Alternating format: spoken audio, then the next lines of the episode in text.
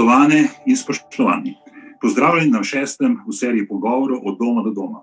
Veseli me, da lahko danes v naši sredi pozdravim dr. Mirta Kumela, filozofa in pisatelja, profesorja filozofije in književnosti, raziskovalca in tudi svojega kolega z fakultete za družbene vede. Mirt, lepo pozdravljen in najlepša hvala, da si, se, da si, si vzel čas za današnji pogovor.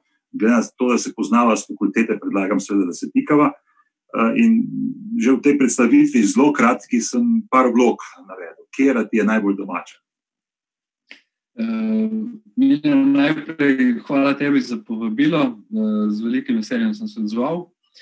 Um, in uh, odzval sem se z obemi svojimi dušami, ki po čemer sprašuješ. Ne, ne citiram GTV-ga Fausta, dvoje src bi v prsih mojih, eno pač pisateljsko, drugo filozofsko.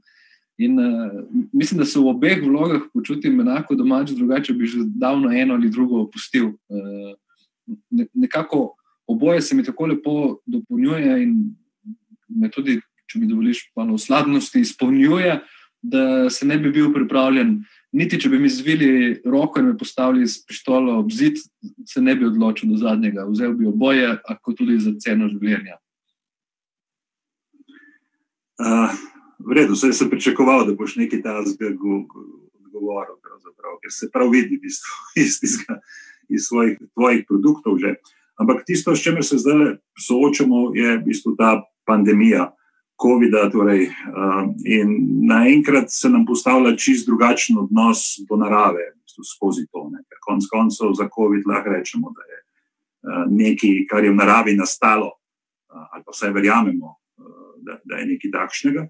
In me zanima, v bistvu, kakšen, kakšen je bil ta odnos, oziroma kakšna je vloga filozofije in mišljenja ter literarne umetnosti in humanistike pri določenju tega človekovega odnosa do narave, pravega odnosa ali pa najmo reči boljšega, kot je bil do zdaj. Mm -hmm. um, če se oprem na nama obema ljubega Spinozo, ne, ki je Boga definiral v sovisnosti, konsubstancialnosti z naravo, jaz mislim, da sta tukaj vsaj za, na, na prvo žogo ponudite vsaj dva paralelna odgovora, eden materialističen, drugi pa metafizičen. Materialističen je seveda ta, da to je naraven pojav, ki, je, pač, ki je nastal in se razširil po, po svojih naravnih poteh. Metafizičen je pa pač ta, da je narava kot staro, neko starogrško božanstvo tukaj uh, uh, se razjezila na človeštvo, ki je ni vzelo dovolj dobro v obzir. In na preseku teh dveh množic, materialističnega in metafizičnega, lahko vidimo točno vlogo človeka v tej zgodbi. Ne. Vlogo človeka, ki ga zelo lepo opisuje vsa literatura o kugi, začenši od Homerjeve Iliade, ki se začne s kugo v grškem taboru, preko Sofoklevega Oedipa, ki razrešuje dilemo kuge v Tebah, via Bokačo de Cameron, pa vse tja do Kamijeve La Pest. V vseh teh primerih, ki grejo v zelo raznolike žanre, od epah, tragedij, od tragedij prozi in od proze k romanu, vidimo, da je poanta v, v končni instanci vedno ista in to je, da je človek odgovoren za nastalo situacijo. Tudi za tako um, na vides povsem naravne pojave, kot je kuga, oziroma v našem primeru koronavirus. In uh, ok, odgovornost človeka zdaj, uh, sedaj iz tega, kaj še, kaj več izpeljati. Uh, Najverjetneje bo v svetu po, treba to vzeti za kup in vsaj nekaj časa živeti s tem virusom. To uh, nič nam ne kaže, da bi karkoli drugače bilo možno. Treba se bo prilagoditi, uh, enkrat za spremembo, ne naravo prilagoditi nam. Ja. Mislim, da bo treba, da imaš prav in da bo treba spremeniti paradigmo. Treba bo iti ven iz te razsvetljenske ali pa, če hočeš, post-razsvetljenske paradigme, kot ste jo opisali Dorno in Horkheimer, dialektika razsvetljenstva. Ta um, instrumentalen odnos do narave, ki, ki vlada še danes še toliko brutalneje in nasilneje, kot, kot je vladal v času nastanka razsvetljenstva. Treba bo pač opraviti to paradigmo in vzpostaviti neko novo, kjer ne bo narava v funkciji zadovoljevanja naših potreb, ampak kjer bomo mogli mi postati uh, tako zelo zvesti in skrbni služabniki uh, narave. Glede, če dovoliš, sem še trenutek. Glede tega, um, tega potem, ne, tega stanja, potem, ko bo konec te krize. Um, vsi pričakujem, pogosto se pojavlja ta paradigma v smislu, uh, kdaj se bomo vrnili nazaj v normalno stanje. Moramo, v, moramo ne iti nazaj v normalno stanje, pač pa naprej v normalno stanje. Stanje, kot je bilo poprej, je bilo že samo po sebi nenormalno in neuzdržno, še zlasti z tega okoljevarstvenega vidika. In zato moramo iti naprej in izumiti neko novo stanje, ki bo vzdržno ne samo za nas, ampak tudi za naravo. Ja, ja, se tukaj me takoj spomni na to, kar, kar imamo zdaj v Evropskem parlamentu, ne, da ne pozabimo na zeleni dogovor, ker v bistvu, v bistvu daje neko upanje. Daleč od tega, da bi bil prepričan, da je to dovolj, ampak vsaj gremo na tisto pot, kamor bi pravzaprav bilo treba iti. Zdaj nas ta kriza na to uh, še bolj upozarja. Ampak hkrati s tem pa zelo hitro pridemo do, do drugega velikega problema, od odnosa politike ali pa tudi ljudi, če hočeš do stroke ne, uh, med epidemijo. Ne, in, oziroma, uh, tudi kakšna, ker si pokazal, da bo treba drugače razmišljati. V bistvu, uh, kako se bomo pravzaprav lahko na obstoječe stroke, še zlasti politekonomske, uprli, ker konec koncev je tisto, kar zgleda še večji problem kot zdravstveni, to, da celotna ekonomija stoji. To je zelo dobro vprašanje. Mm, in v približku odgovora bi, bi, bi, bi začel s tem, da je aktualna kriza pokazala dvoje problemov. Eden je ta, da uh, nima strokovni, še zlasti neznanstveni diskurs take veljave, kot jo je imel nekoč, um, in da so se pojavile paralelno z medicinskim diskurzom, ki jaz mislim, da ima tukaj. Uh, Mora imeti glavno besedo pri rokovanju s to krizo, uh, so se pojavila neka množstva drugih diskurzov, ne, kjer lahko vidimo tisto nivelizacijo, ki se zgodi z, recimo, pravimo ta malo nesrečen izraz postmoderno. Ne, in to je, da lahko ima uh, uh, uh, mitska z Facebooka enako pravico do svojega mnenja, ko gre za krizo koronavirusa, naprimer kot zdravnik, virolog ali katerikoli drugi strokovnjak, ki se s tem pač poklicno strokovno ukvarja. To, to je ena plat zgodbe in jaz mislim, da um, dobršen del škode je narejen prav iz tega, ker so ljudje bolj pametni, kot bi smeli biti v takej situaciji. Druga plat te iste zgodbe pa je to, če se, se dotaknemo, razumemo, pač politično-ekonomskega sistema, v katerem živimo, kjer je zelo očitno, bolj ko pogledamo v eh, tako imenovanih eh, razvitih državah, še zlasti tukaj ZDA, ne, kjer so trenutne debate na mizi, te, kdaj ponovno zagnati gospodarstvo. Ne, ker Trump zagovarja zelo brutalni neoliberalni kapitalistični model, ne da je treba pač, ne glede na ceno človeškega življenja, čim prej zagnati gospodarstvo. V tem smislu, seveda, je um, izziv vprašanje, kako v danih pogojih vendarle omogočiti gospodarske produkcije, da, uh, da se ponovno zažene, ampak za moje pojme, vsaj ne za ceno uh, človeškega življenja, še zlasti ne za metanje tako rekoč množic in množic delavcev v praktično uh, uh, izpostavljeno tveganje, če že nekaj v smrt. Ja, v bistvu, ko, ko govorimo o tej politiki ekonomije, je v bistvu zadeva pravzaprav za me. Uh, en, en vidik, ki je pomemben. Uh, danes so ljudje, ki si bi želeli biti izkoriščeni. Zgleda, da bo tudi po koncu tega, ko se bo gospodarstvo spet zagnalo, da bo še večji problem bodo tisti, ki so dejansko izključeni iz iz celote, ki jih niti izkoriščati noben noče, ker ti praktično nimajo od česa preživeti. Eh, dejansko pa vsi govorimo, ali pa naj bi eh, vključevali vse, ne bi, ne bi smeli na nobenega pozabiti. V bistvu to so sicer lepe floskole, ki jih je pa zelo težko udejaniti. V bistvu, bodi si, da zdaj so bolj izpostavljeni starejši, saj ko gledaš, v bistvu, kakšno tveganje je to, eh, ali pa na drugi strani tisti, ki, ki itak imajo takšen ali drugačen handicap, in je še toliko teže razmišljati. Plus vse tisto, kar je že itak v tretjem svetu, ali pa tudi pri nas, kaj so brezdomci, izključeno iz celotne zadeve. Ja. Bi pravzaprav morali za vse to poskrbeti.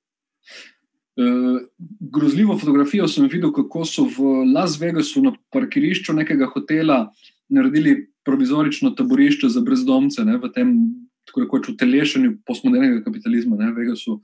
In uh, mislim, da, da to paradigmo lahko razširimo s pomočjo, recimo, če vzamemo tukaj Džordža Gamena, ne, njegov koncept Homo sacer. Ne. Vsaka suverena politična instanca deluje tako, da vključi nek določen mi in izključi neke druge, eh, nek, neko celo populacijo drugih ljudi. Ne. In to je v ZDA še zlasti razvidno, recimo čisto, čisto statistično, pa temu, koliko jih je zdaj se prijavilo na,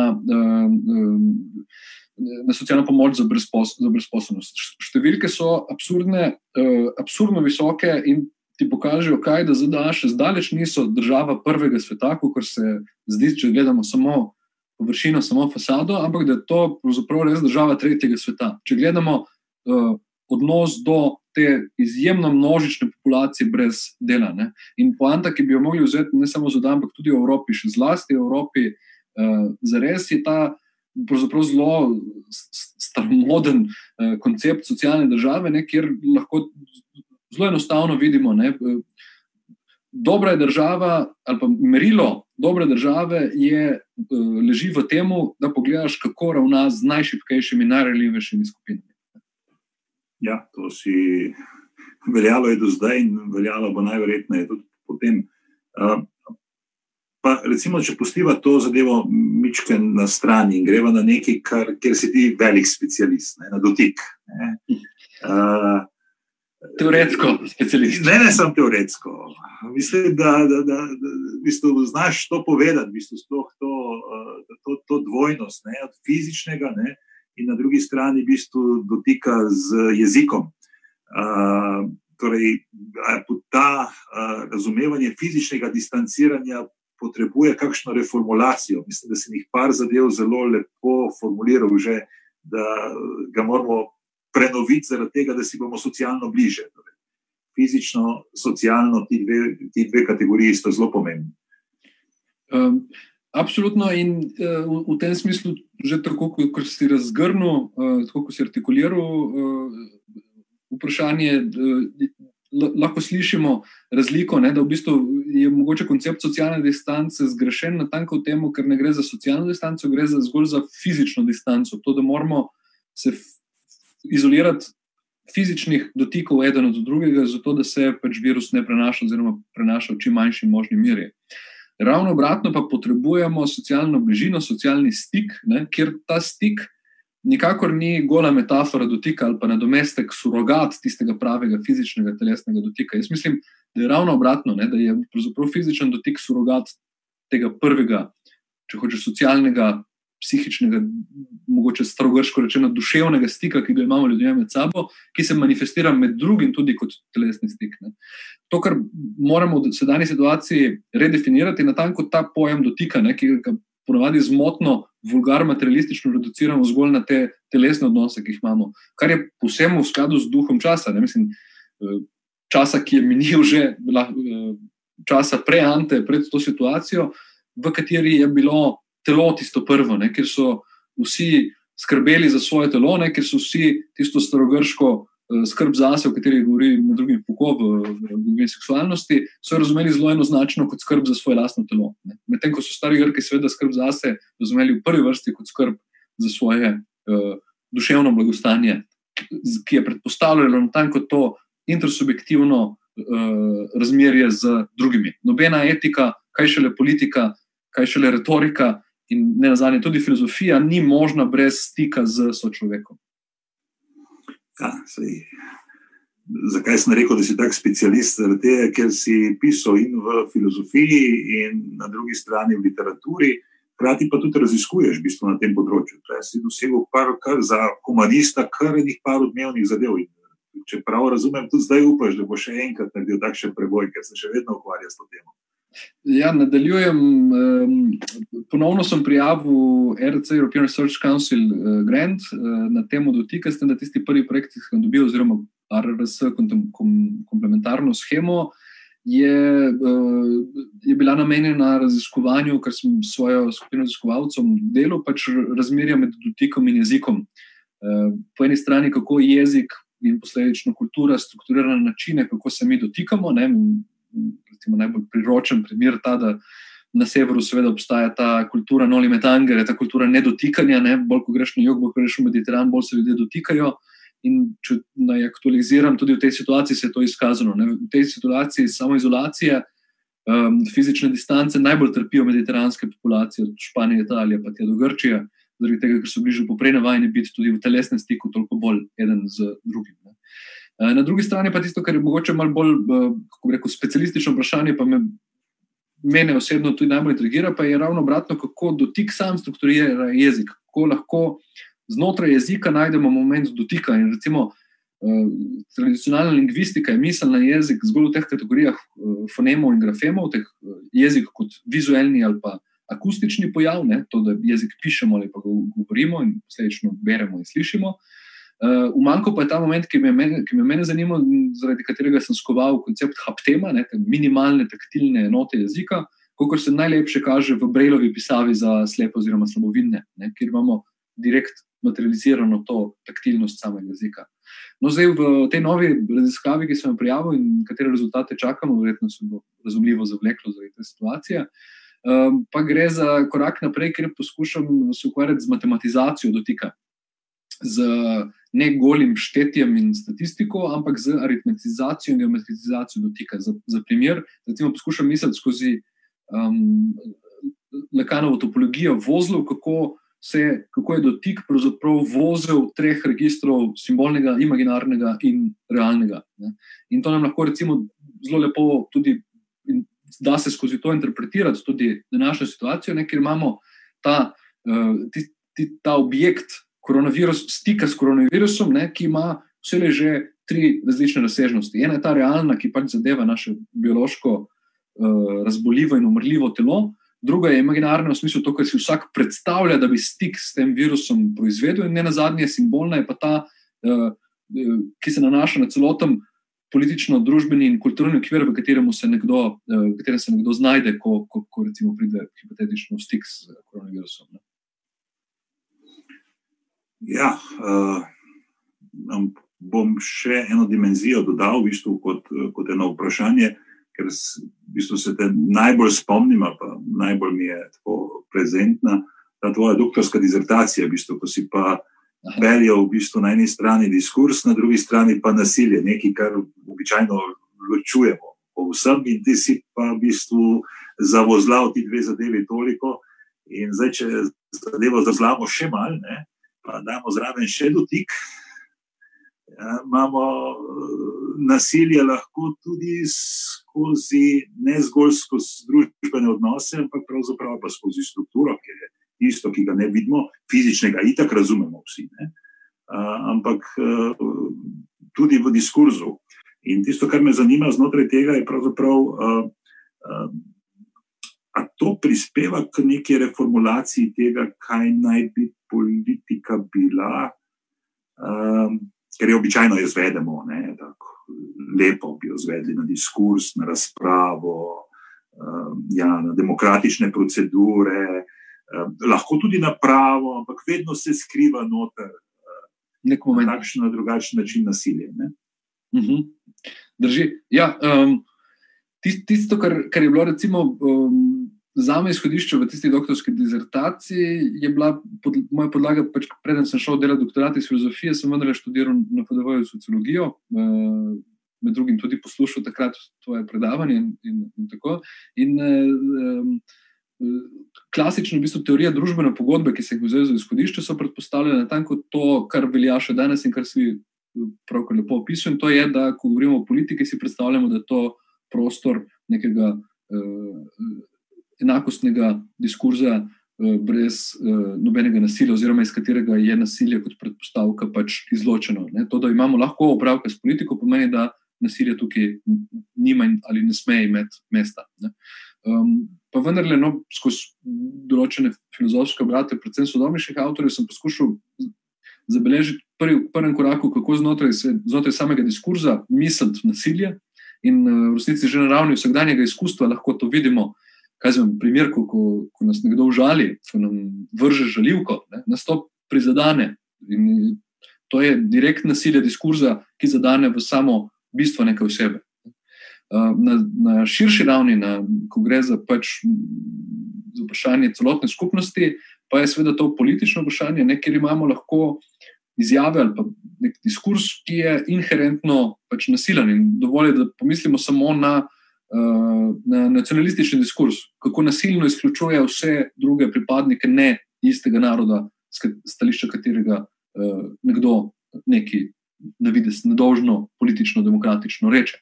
In v tem smislu je ena izmed debaklov, ki so, če praviš, meni smešni, pa vendarle živo kažejo na ta problem, so te, ne, kaj zdaj, uh, skoraj v solipsističnem, logičnem loku, ne kaj zdaj. A svoboda govora predpostavlja, da dopuščamo tudi sovražni govor, ki je implicitno nasilen do določenih družbenih skupin ali ne. In če sovražni govor zamejimo, pa imamo še opravke s svobodo govora ali ne. Jaz mislim, da ta dilema je lažna dilema, logično, sofistično se seveda da tako argumentirati, politično pa je jasno, da ne. Ja, um, znotraj predsednika državnega zbora in si imel realno politično izkušnjo menedžeriranja take situacije in ne, dajanje in jemanje besede ne, in presojanje, razsojanje v živo, zdaj katera izjava je šla predaleč. Ne? Ja, mislim, da ne pomagajo tudi pravila, če so uh, napisana. Običajno te presenetijo s kakšno zadevo, ker ti tudi oni strokovci pri, pri teh stvareh ne pomagajo. Uh, na koncu sem se pa naučil nekih stvari ne? in v bistvu bi se mogoče zaradi tega vrnil nazaj k spinozi, da, da politika gre na koncu skozi telo. Ne? Ko si v nekem boju, političnem konfliktu, ja, demokratičen, ni, ni kaj, ampak če ni tega občutka, nisi pri stvari, nisi pristen, takrat čutiš z celim telesom. In uh, Spinoza je z tega vidika, vsaj meni, blazno zanimiv, uh, ker v bistvu je tako na eni strani um, kot takšen izpostavljen, ali pa razum, razmišljanje na eni strani, in na drugi strani nikoli ni pozabil na to, da smo ljudje tudi čustvena bitja in da nismo nič posebnega v naravi. Ne. Mislim, tudi čudovito, veliko izpeljal za današnji čas. Ma. Ampak ena, ki mi je pa posebej draga, pa me zanima, v bistvu, kako ti gledaš na celotno zadevo, je seveda tudi ta, ki je vezana na nek način na družbeno pogodbo. A s tem si pa začel. Ne, sem šel pogledat nazaj, v bistvu, mitologike, eh, družbene pogodbe, ne, v bistvu, kakšne, kakšne mitske zadeve se jih dejansko so. Ampak tisto, kar si pa si pa na nek način predstavljamo nekaj, čemu se reče legitimna politična ureditev. Ne, ljudje morajo na nek način pristati na, na, na, tiste, ki jim vladajo. V minimalnem, minimalnem uh, vidiku. Uh, in znotraj tega, seveda, so številni avtori. Tista klasična zadeva, ki se nam danes postavi, ne samo zdaj, tudi ob terorizmu, ne, ali pa tudi v migracijah, ki so jih postavili, je v bistvu, da moramo žrtvovati Eh, svoje človekove pravice, pa človekove pravice, ki so itak od vseh, niso samo naše, vsem jih moramo priznavati, zato da dobimo neko varnost, ne? varnost od, od države. Enkratno dejanje, spinozi, to nikakor nikoli ni bilo všeč. Ne? Vedno je rekel, da to, te pravice lahko v skrajnem primeru vzame nazaj, saj ne takoj. Ko zadeva postane nevzdržna, se je treba zavedati, da je odpor vedno možen. Tudi tem je bil različen od številnih drugih filozofov in zaradi tega ga, po mojem, tudi eh, niso zelo čistili, pa ni bil ravno na, na um, preberi ga listi, ne, ampak na kakšni drugi listi. Ne. Uh, pri, tudi primerjavi s kakšnim kantom, ne, ker uh, ti lahko javno razpravljaš samo o Bogu. Mm, mm. Razpravljaj pa v čemkoli hočeš. Kaj, kako se ti počutiš ob vseh teh, uh, glede na to, kar si takrat pisal, bi kaj spremenil, ker takrat ga nisi imel noter. To, recimo, takrat ga v, v diplomi ga ni bilo, sem šel pogledat. E, ni šel, ker sem imel večinoma družboslovne reference, nisem še prišel do filozofskih avtorjev takrat.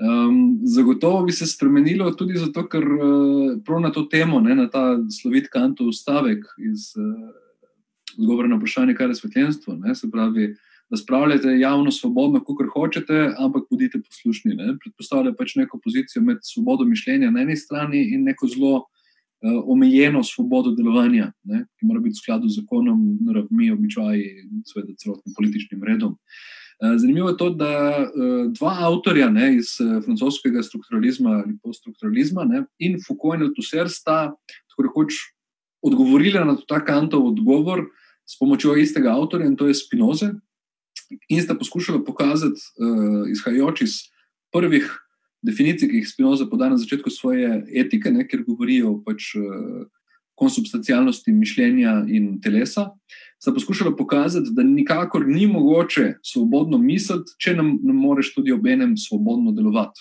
Poskušala sta pokazati konsubstancialnost, sovisnost mišljenja in delovanja tega telesnega, recimo, momenta znotraj politike in filozofskega, mišljenjskega, da pravzaprav ne moreš odrezati enega od drugega in da je oboje hkrati vse leže prisotno. Ne? In da če ti umetno ločiš eno, pravzaprav narediš restrikcijo tudi na, na ravni drugega. V tem smislu mislim, da je eh, ne samo v kantovem času, ampak še zlasti v današnjem času največja, eh, da, da rečem tako, ideološka prevara. Eh, Liberalnega, svobodnega diskurza na tem, kot ta. Kdorkoli lahko reče karkoli. Ne.